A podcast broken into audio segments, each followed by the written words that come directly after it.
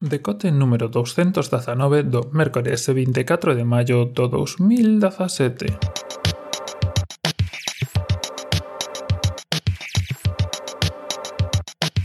Bos días e benvidos a este novo Decota, esta nova edición matutina do Decote, de novo un pouco atrasada, disculpas a os que lles afecta a esa xente que escoita isto indo ao traballo, sinto que o teñas que estar escoitando agora de volta do traballo, Pero bueno, eh, sempre hai algunha dificultade técnica que iremos susanando pouco a pouco. Sobre todo, eu creo que o tema aquí é irse eh, adiantando e ir facendo as cousas o antes posible e non deixalas para, para o último momento porque como, bueno, como estamos noutro sitio, noutras formas, pois ao final non todo funciona igual e, bueno, hai que, hai que ir adaptándose a todo. En fin, hoxe imos falar dunha presentación que hubo onte, que hubo onte en Xangai, para ser máis concisos, que foi a de Microsoft.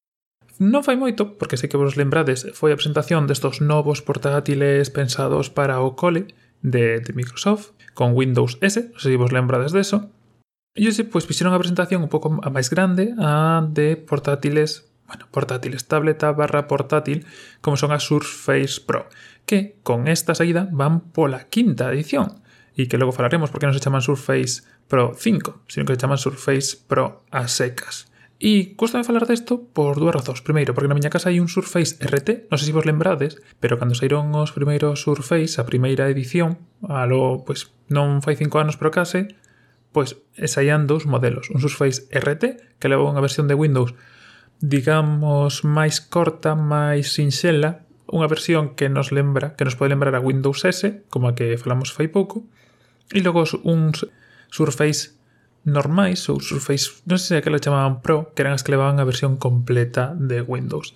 E, home, teño que dicir pois, que aínda sigue por aquí, aínda sigue funcionando, e rivaliza aí un pouco co primeiro iPad que están aí os dous. Sei que o primeiro iPad é máis bello, non por moito, non por moito si, sí, xa por un par de aniños, se non me equivoco, E aí están os dous eh, rivalizando. Eh, problemas co Surface RT, pois evidentemente o tema de que quedou en Windows 7, que era co que saía, Windows RT, que é a versión co que saía e tuvo unha actualización pequeniña Windows 8 Windows 8 RT, se non me equivoco, era a versión coa que saía. Que, bueno, era a primeira versión que facían de, de escritorio mitad para eh, aparellos portátiles, mitad para aparellos de escritorio, que era a primeira que levaba pues, os tiles estos que eran como a página de inicio e logo tiñas que acceder a inicio a partir de outro menú. Neste caso, pois evidentemente non había ese inicio en outro menú, sino que había un menú como iba en Windows Mobile e similares. Sigue estando por casa, sigo utilizando e sigue dando, bueno, os seus problemillas, porque, por exemplo, onte meu pai intentando abrir un abrir, no, ampliar un PDF, pois en vez de ampliarse centrado, íbase para un lado e era imposible central e cousas así que, evidentemente, pois cando utilizas unha versión de Windows que non é completamente soportada e que van deixar de lado dentro dun tempo, como segundamente lle pasará a Windows S, pois ten, ten este tipo de problemas. En fin, dito todo isto, pasemos a falar do presente. E o presente, ou en concretamente o que pasou onte en Xangai foi a presentación dos novos Surface Pro, que son pois a nova aposta de Windows polo mercado Pro dentro da súa gama portátil, máis ou menos. Este Surface Pro, pois, estéticamente ou por fora non se diferencia en nada aos seus antecesores, sigue sendo a mesma pantalla, co mesmo stand que se sae, que sae da parte traseira, que basicamente é o modelo e o diseño que sacaron desde o primeiro, desde o primeiro momento, eh, e donde vemos as melloras eh, no interior. Simplemente para facer un repasiño das cousas, é unha pantalla de 12,3 pulgadas, que está disponible en 486 eh, gigas de RAM, con discos de 128 ata 512, 512 no, 1 tera de, de, de, disco duro interno, SSD, si non me equivoco, na maioría, si non en todos, e que leva Windows 10 Pro. É dicir, aquí sí que non hai medias tintas, non hai Windows S, Windows 10 Pro para todo. Leva cámaras, tanto traseira de 8 megapíxeles como frontal de 5 megapíxeles, E logo a parte máis, eh, digamos, simpática ou que máis chama a atención do exterior é que só leva un USB, bueno, só leva, leva un USB 3.0, un lector de, de tarxetas micro SD, un mini display port e o porto que ten pois para poñelo no teclado, auriculares, eh, conectar co dock, etc.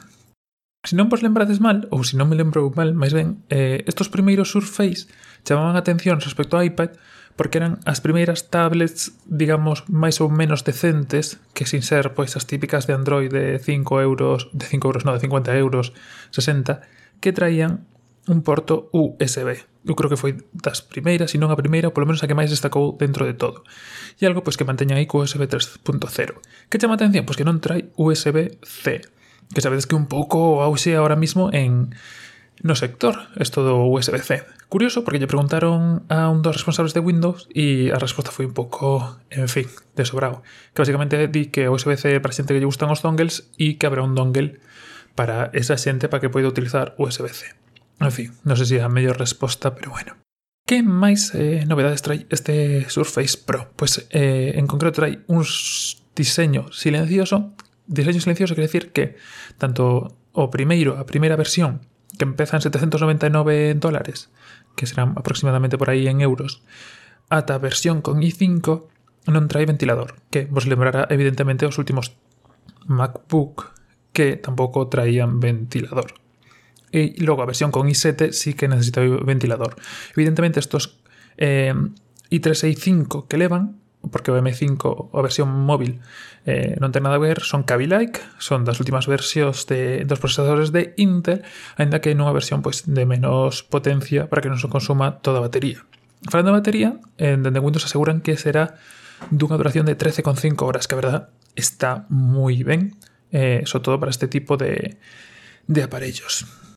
Falando de, de exteriormente, hai unha cosa que se, me, eh, que se me esqueceu comentarvos que o tema do soporte. O soporte, que ora, ademais de ter a típica función de mantelo máis ou menos vertical, ten unha función modo estudio que fai referencia ao, ao Microsoft Studio, non sei se vos lembrades deste ordenador eh, xigante de pantalla táctil con ese dial, do que falaremos máis adiante, que se podía acostar ata casi estar completamente horizontal. Pois este, este P ahora inclúe esa función para que poidas tumbalo e telo prácticamente vertical, pensado sobre todo pois eso, para xente que, que traballe con isto dunha forma pois para escribir, como os hai en algún dos vídeos, que por certo, deixo vos dos enlaces na descripción, o propio de Microsoft onde falan desta saída, e o de Xataca, pois onde máis ou menos falan do mesmo, pero en castelán, e cos vídeos que tamén tedes no, no outro lado, por si vos interesa. Eh, de novo, teño que decir que eh, fun por hipertextual e por algún sitio máis, e eh, o de hipertextual é un desastre con estas cousas, apenas tres párrafos, sin explicar a, a maioría das cousas, non sei. Quizás están na, na outras cousas, non sei. Bueno, o que iba. Eh, o tema do modo estudio, que é iso para, para telo máis apaisado. E é que dentro do que presentan, ademais de incluir evidentemente un estilos que agora eh, ten moitísima máis sensibilidade, unhas cousas das que fan Fincapé, que en este tema da sensibilidade, que soporta presión, de que podes tumbala e fai diferentes tipos de, de, de buxos, Pois tamén está o tema do teclado, que ahora ven co, co tipo este de felpa, co alcántara creo que lle chaman, este novo diseño que xa meteron nos últimos portátiles que, que vos dixen, e eh, a posibilidad de utilizar o dial. O dial que é eso que presentaron cos, cos Windows Studio, cos Microsoft Studio, perdón, que son estes ordenadores como decía que se tumbaban e que era unha ruediña que podías utilizar para pues, xestionar diferentes menús e que ahora pasa a funcionar tamén con, con estos ordenadores. Ademais desto, pois poquiñas cousas máis que, que dicir, sobre todo a nivel interior o que meten son o que vos digo, o lápiz, que vos deixo un vídeo porque ahora soporta 4096 niveles de presión, en teoría mm, mellor que o Apple Pencil, aquí da que vos digo sai o mesmo prezo a 99 euros, e ten un retardo mínimo de 21 milisegundos, que en teoría tamén é mellor que o Apple Pencil. Pero bueno, veremos sobre a realidade como, como están as cousas. Cousas interesantes xa pechando. Día de saída, o 15 de xuño, estarán disponibles en versións tanto Wi-Fi como con, con, 5, con 4G LTE e estará disponible desde 799 dólares. Como os decía, hai unha cosa curiosa co tema do prezo, que que estos 799 dólares son sen teclado, nin pen, nin nada. É dicir, a pantalla a secas. Así que realmente con teclado e con pen pois están nos 900, 900 e algo dólares. Así que bueno, non porque é o pen 99 e o teclado 159. Así que, bueno, a diferencia non, non é tanta. E nada máis por ese, botade un ollo, eu non sei se si isto pois, acaba de ter saídas ou todo porque agora pois isto de, de Surface Book, Surface Note, Surface Pro, non sei, non sei como, como acaba de encaixar isto dentro de, de todo, pero bueno, deixo vos por aí información, deixo vos un par de enlaces na descripción, en podcast.algue.net onde, como sempre, tamén tedes as diferentes formas de contactar comigo, de botarme a bronca por non sacar as cousas agora e de que vos queirades. Nada máis por así, que teñades un bo día, un saúdo e ata a próxima.